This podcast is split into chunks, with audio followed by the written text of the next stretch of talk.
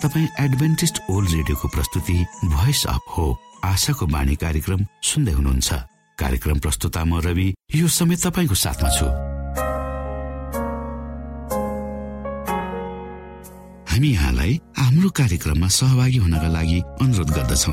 हामी साँचो परमेश्वर तपाईँलाई माया गर्ने परमेश्वर तपाईँलाई उद्धार गर्न चाहने परमेश्वरका विषयमा जानकारीहरू प्रस्तुत गर्ने क्रममा छौ। सुरुमा सुनौ यो आत्मिक भजन। Thank you.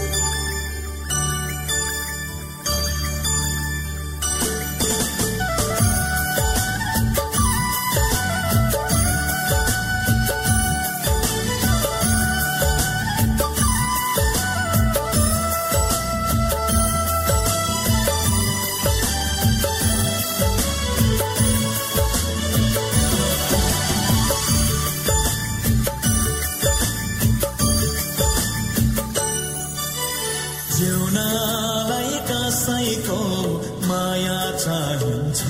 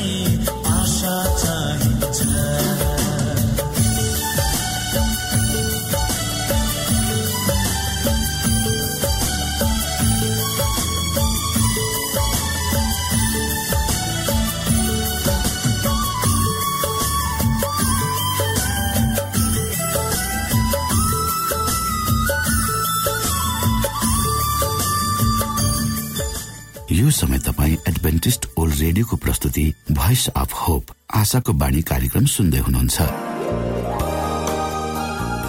तपाईँ आशाको बाणी कार्यक्रम सुन्दै हुनुहुन्छ। हामी आशा गर्दछौ कि तपाईँले हाम्रा कार्यक्रमहरू सुनेर आनन्द लिनु भएको छ। यदि तपाईँ हाम्रो तर्फबाट सानो उपहार प्राप्त गर्न चाहनुहुन्छ भने कृपया गरेर हामीलाई Bible at the rate A W R dot ओआरजीमा लेखी पठाउन सक्नुहुनेछ। अथवा हाम्रो वाट्सएप नम्बर प्लस एक दुई दुई चार दुई दुई दुई जिरो सात सात सातमा फोन गरेर सम्पर्क गर्न सक्नुहुनेछ। श्रोता मित्र यो समय हामी पास्टर उमेश पोखरेलबाट आजको बाइबल सन्देश सुन्नेछौ।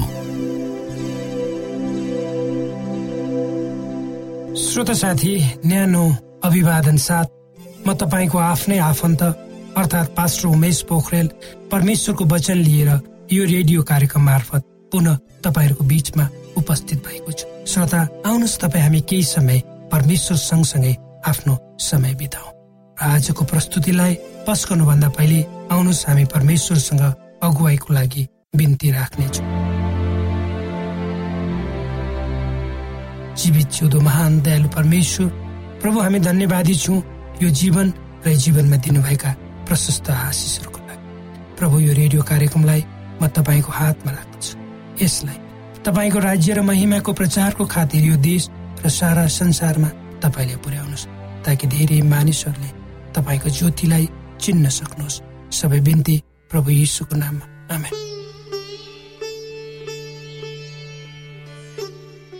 श्रोत साथी धेरै शताब्दीदेखि करिब करिब दस प्रतिशत मानिसहरू बायाँ हातको प्रयोग गर्छ हाम्रो समाजमा पनि कोही कोही मानिसहरू बायाँ हात प्रयोग गरेको हामी देख्दछौँ। स्वभावले हामी मानिसहरू दायाँ हातको प्रयोग गर्दछौँ। तर केही मानिसहरूको दायाँ भन्दा बायाँ हात बेसी चल्छ। उनीहरूलाई कतै न कतै हाम्रो जस्तो समाजमा अलिकति भए पनि हेयको दृष्टिकोणले हेर्ने चलन छ। इङ्ग्लिसमा लेफ्ट जुन शब्द छ एङ्ग्लो सेक्सनको लिफ्टबाट आएको पाइन्छ जसको अर्थ कमजोर भनेर बुझिन्छ। विक चलाउने कमजोर भनेर बुझिन्छ। प्राचीन कालदेखि नै स्कुलका शिक्षकहरूले। बायाँ हात चलाउने विद्यार्थीहरूलाई दायाँ हात चलाउन सिकाउने नाउँमा धेरै अत्याचार गरेको पनि किनकि शिक्षकहरूको विचारमा त्यो उनीहरूको नैतिक जिम्मेवारी। र जसरी भए पनि एउटा बायाँ हात चलाउने विद्यार्थीलाई दायाँ हात चलाउन उनीहरूले सिकाउनु पर्छ ती बायाँ हात चलाउनेहरूमध्ये एक व्यक्ति हुन् बेन्जामिन फ्रेङ्कलिन। उनी लेख्छन् मलाई धेरैचोटि कुटियो। म एक्लै थिइनँ। म जस्ता अरू धेरै मेरा साथीहरूलाई तल्लो रूपमा व्यवहार उनीहरूको खिल्ली उडाइयो। उनीहरूको बायाँ हात बाँधियो र ब्रेन्चमाथि उभ्याए। त्यस्ता किसिमका सजायहरू सहन नसकी कति रोए। यी सबै गर्नुको पछाडि उनीहरूले दाहिने हातले लेख्न सकुन् भन्ने नै थियो। आज पनि सारा संसारमा भएका सबै किसिमका औजारहरू लुगा फाटाहरू कारहरू गाडी घोडाहरू र प्रत्येक कुराहरू दायाँ हात चलाउनेहरूको निम्ति उपयुक्त हुने किसिमले बनाइएका हामी पाउँछौँ। अर्थात् यो संसार दायाँ हात चलाउनेहरूको मात्रै। आधुनिक अनुसन्धानले बायाँ र दायाँ दायाँ र बायाँ तिरको दिमागहरूको बारेमा धेरै कुराहरू बाहिर ल्याएको छ। यी दुईको स्वभाव भिन्न भिन्न पाइएको छ। बायाँ हात चलाउनेहरूमा हताश निराश हुने जाँड रक्सी खाने बानी हुन सक्छ। त्योभन्दा माथि बायाँ हात चलाउनेहरू तीक्ष्ण बुद्धि भएका नयाँ नयाँ किसिमका रचनात्मक काम गर्ने किसिमका हुन सक्छ। के हदसम्म दायाँ हात चलाउनेहरू वंशाणुगत पनि भएको अनुमान गर्न सकिन्छ? तर दुर्भाग्यवश पवित्र धर्मशास्त्र बाइबलमा भने त्यस अनुसार परमेश्वरको न्यायको दिनमा बायाँ हातको कुनै स्थान रहँदैन। त्यसैले त पवित्र धर्मशास्त्र बाइबलको भजन सङ्ग्रह एक सय अठार अध्यायको पन्ध्र पदमा धर्मीहरूका पालमा हर्ष र विजयको गुन्जन हुन्छ र परमप्रभुको दाहिने बाहुरीले सामर्थ्य काम गर्दछ भने स्पष्ट गरी भनिएको हामी पाउँछौँ। यसरी नै पवित्र धर्मशास्त्र बाइबलको मत्ती पच्चिस अध्यायमा यसरी लेखिएको छ उसले भेडाहरूलाई आफ्नो दाहिनेपट्टि र बाख्राहरूलाई देब्रेपट्टि राख्नेछ तब राजाले आफ्ना दाहिनेपट्टिकाहरूलाई भन्नेछ आओ मेरा पिताका धन्य हो। संसारको उत्पत्तिदेखि तिमीहरूका निम्ति तयार गरिएको राज्यलाई अधिकार। किनभने म भोकाएको थिएँ तिमीहरूले मलाई खाना दियो। म तिर्खाएको थिएँ तिमीहरूले मलाई पिउन दियो। म परदेशी थिएँ तिमीहरूले मलाई आश्रय नाङ्गै थिए तिमीहरूले मलाई वस्त्र लगाए। बिरामी थिए। तिमीहरू मलाई हेर्न आयो झालखानामा थिए। तिमीहरू मकामा आयो त्यसपछि उनले देब्रेपट्टिका मानिसहरूलाई भन्छ श्रापित मानिस मबाट दूर हो र दियाबलस र त्यसका दूतहरूको लागि तयार गरेको अनन्तको आगोमा जा। किनभने म भोकाएको थिएँ। तिमीहरूले मलाई खान दिए। तिर खाएको थिएँ। तिमीहरूले मलाई पिउन दिए। म परदेशी थिएँ। तिमीहरूले मलाई आश्रय दिए। नाङ्गै थिएँ र मलाई वस्त्र लगाइदिएनौ। बिरामी र झ्यालखानामा थिए तिमीहरू मलाई हेर्न आएनौ। तिनीहरूले यसो भनेर जवाब दिनेछन्। तब प्रभु कहिले हामीहरूले तपाईँलाई भोकाएको वा तिर्खाएको देख परदेशी वा नाङ्गै वा बिरामी देख्यौँ वा झ्यालखानामा देख्यौँ र तपाईँको सेवा गरे तब उनले तिनलाई जवाब दिनेछ साँच्चै म तिमीहरूलाई भन्नेछु। यी सबैभन्दा सानाहरू मध्ये एकजनालाई जे जति गरेनौ त्यो तिमीहरूले मेरो निम्ति गरे। तब यिनीहरू अनन्त दण्डको भागी हुनेछ। तर धर्मी जनहरू अनन्त जीवनमा प्रवेश गर्नेछ। स्पष्ट रूपमा पवित्र धर्मशास्त्र बाइबल श्रोता साथी वैज्ञानिकहरूको अनुसार यदि मानिसले आफ्ना दुइटै हातहरूलाई समान रूपमा प्रयोगमा ल्यायो भने त्यसले ती दुवै हातहरूलाई उही तरिकाले प्रयोग गर्न सक्दछ। क्रिस यसोको लागि न त पूर्व न पश्चिम न दायाँ न बायाँ। हामी केवल उहाँमा आउनु मात्र पर्छ। किनकि प्रभु येसुका दुईटै हातहरूद्वारा हामी उहाँको अँगालोमा बाँधिन सक्छौँ। भनिन्छ बाँधिएका हातहरू खतरापूर्वक हुन सक्छ। किनकि त्यो भित्र हात हतियार लुकाइएको हुन सक्छ। चोरीका सामानहरू पनि लुकाइएका हुन सक्छन्। अथवा आन्दोलनको धम्की पनि हुन सक्छ। त्यसै गरी खुल्ला हातहरू त्यसको ठिक विपरीत हुन्छन् र त्यसले सुरक्षा र निश्चयता झल्काउँछ। खुल्ला हातले मानिसलाई खुसी साथ स्वीकार गरेको जनाउँछ। जब दुईटा हात खुल्ला भएर कसैसँग मिलाइन्छ भने त्यसले आनन्द र भरोसा दिन्छ। त्यसभित्र कुनै कुरा लुकेको वा लुकाइएको हुन्न। यसले एकअर्कामा शक्ति र भरोसा प्रदान गर्छ। स्वतन्त्रताको अनुभूति प्राप्त हुन्छ त्यसैले त भजन सङ्ग्रहका लेखकले परमेश्वरको महिमित सृष्टिलाई खुल्ला हात भनेर भनेको पाइन्छ। उनी भन्छन् भजन सङ्ग्रह एक सय चार अध्यायको चौबिसदेखि अठाइस पद। हे परमप्रभु तपाईँका कार्यहरू अनेक छन्। आफ्ना बुद्धिमा तपाईँले ती सबै रच्नु तपाईँले सृष्टि गर्नुभएका यावत थोकले पृथ्वी भरिपूर्ण छ। त्यहाँ विशाल र फराकिलो समुद्र छ। जसमा अनगिन्ती चल जलचरहरू छन्। ठुला साना दुवै थरीका जीवित प्राणीहरू त्यहाँ छन्। त्यहाँ जहाजहरू यताउति जान्छन्। त्यहाँ लिब्यातन जन्तु पनि छ जसलाई तपाईँले त्यहाँ खेल्न रच्नु। तपाईँबाट आफ्ना आहारा ठिक ठिक समयमा पाउनको निम्ति ती सबैले तपाईँतिरै हेरेर आशा राख्दछ। तपाईँले तिनीहरूलाई दिनुहुँदा तिनीहरूले बटुल्छन् तपाईँले आफ्नो मुठी फुकाउनु हुँदा उत्तम पदार्थले तिनीहरू तृप्त हुन्छ। यी वचनहरूले तपाईँलाई आशिष दिउन्।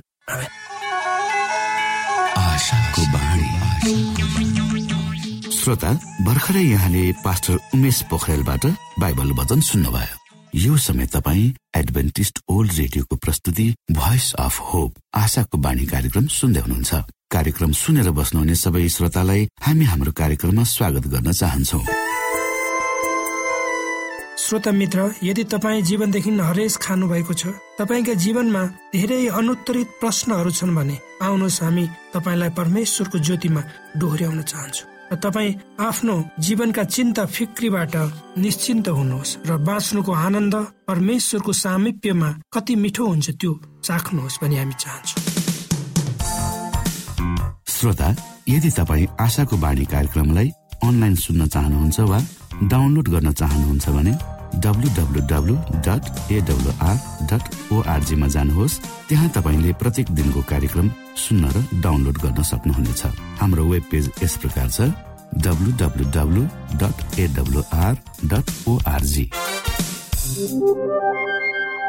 श्रोता यदि तपाईँ हामीसित सिधै फोनमा सम्पर्क गर्न चाहनुहुन्छ भने हाम्रा नम्बरहरू यस प्रकार छन्। अन्ठानब्बे एकसाठी पचपन्न शून्य एक सय बिस। अन्ठानब्बे एकसाठी पचपन्न शून्य एक सय बिस। र अर्को अन्ठानब्बे अठार त्रिपन्न पन्चानब्बे पचपन्न। अन्ठानब्बे अठार त्रिपन्न पन्चानब्बे पचपन्न।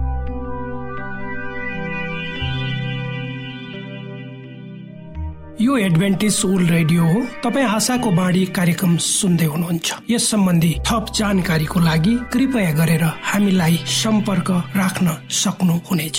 हाम्रो इमेलको ठेगाना Bible at the rate A W R dot O R G अर्थात् B I B L E at A W R dot O R G हो। तपाईँ हामीलाई हाम्रो वाट्सएप नम्बर प्लस एक दुई दुई चार दुई दुई दुई जिरो सात सात सातमा पनि कल गरेर सम्पर्क राख्न सक्नुहुनेछ। अर्थात् प्लस एक दुई दुई चार दुई दुई दुई जिरो सात सात सात। यो आशाको बाणी रेडियो कार्यक्रम हो। म धनलाल राई यहाँहरूलाई यस कार्यक्रममा न्यानो स्वागत गर्दछु। आज म तपाईँको बीचमा बाइबल सन्देश लिएर आएको छु। आजको बाइबल सन्देशको शीर्षक रहेको छ देश वा भूमि विश्रामको थलो।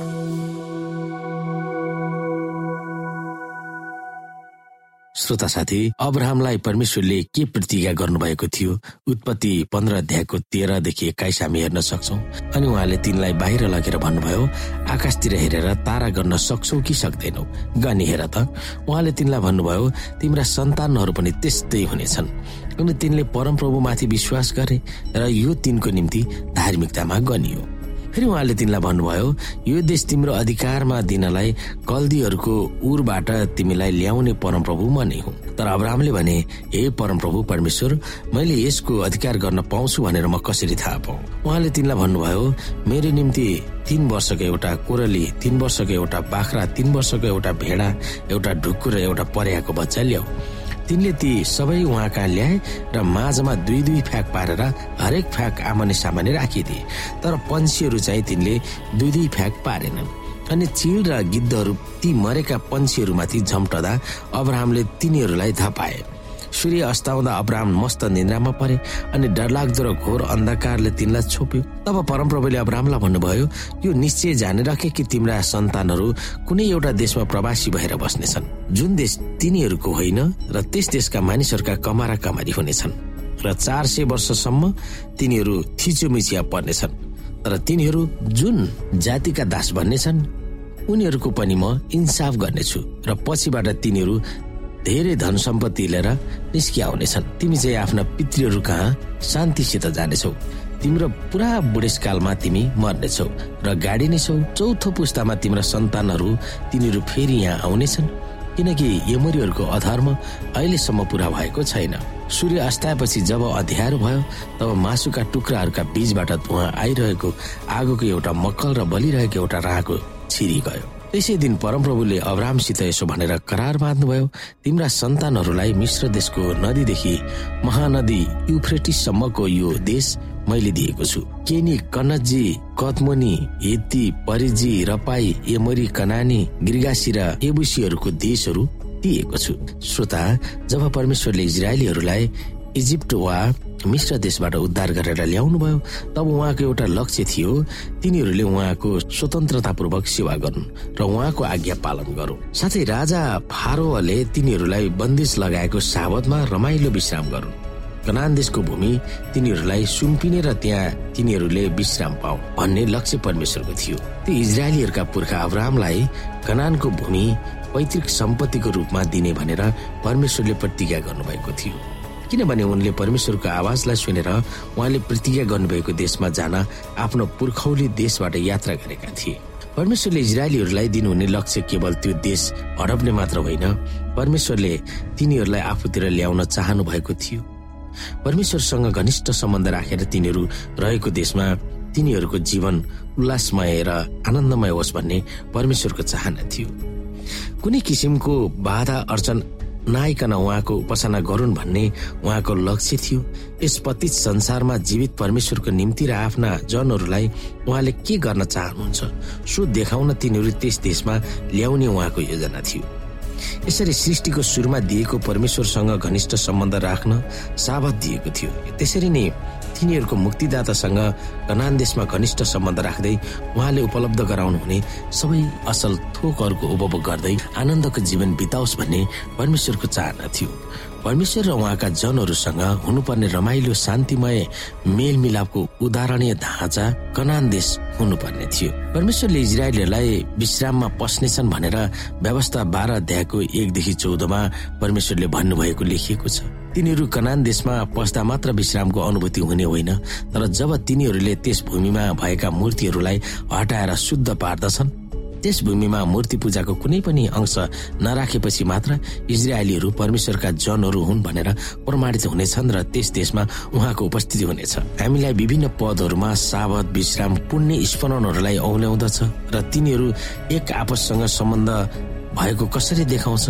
हामी यहाँ विभिन्न पदहरू हेर्न सक्छौ। प्रस्थान विश्व अध्यायको आठदेखि एघार। यहाँ भनिएको छ साबत दिन पवित्र मान्नुपर्छ भन्ने याद राख्नु।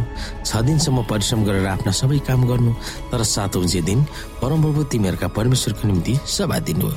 त्यसमा तिमीहरूले केही काम नगर्नु। न त आफ्नो छोराले न छोरीले न कमारा कमरीले न गाई बस्तीले न मूल ढोकाभित्र भएको परदेशीले। केही काम नगरोस्।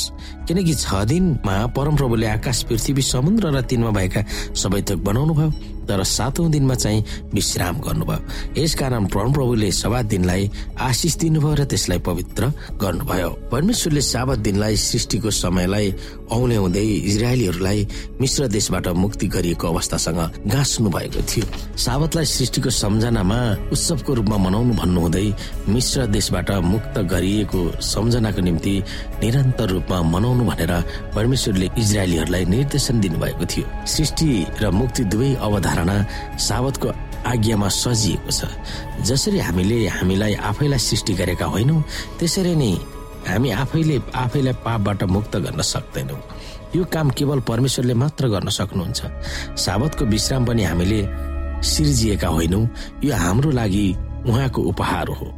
जब हामी साबतको गरिमामय विश्रामलाई स्वीकार्दछौँ र उहाँले अलग गर्नुभएको हप्ताको सातौं दिन शनिबारमा आफ्नो सम्पूर्ण व्यावसायिक कामबाट विश्राम लिन्छौँ तब हामी उहाँमाथि भर परेको छौँ भनेर प्रमाणित गर्दछौँ।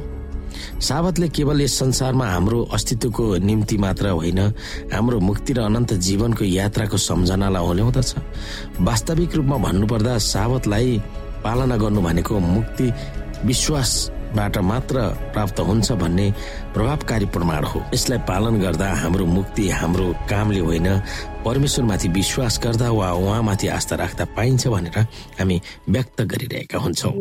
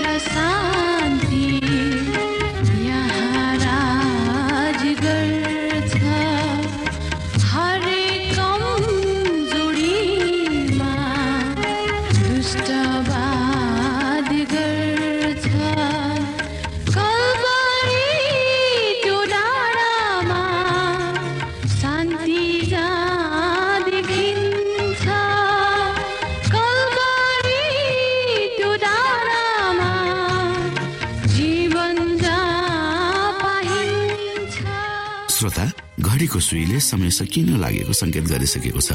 श्रोतासँग अरू समय बिताउने चाहना हुँदा हुँदै पनि हामीले कार्यक्रमबाट विदा माग्ने समय आइसकेको छ। हाम्रो कार्यक्रमको विषयमा जानकारी लिनको लागि हाम्रो कार्यक्रममा सम्पर्क गर्नका लागि हाम्रो ठेगानाको बारेमा यहाँलाई जानकारी गरौं। आशाको बाणी पोस्ट बक्स नम्बर दुई शून्य शून्य शून्य दुई काठमाडौँ नेपाल।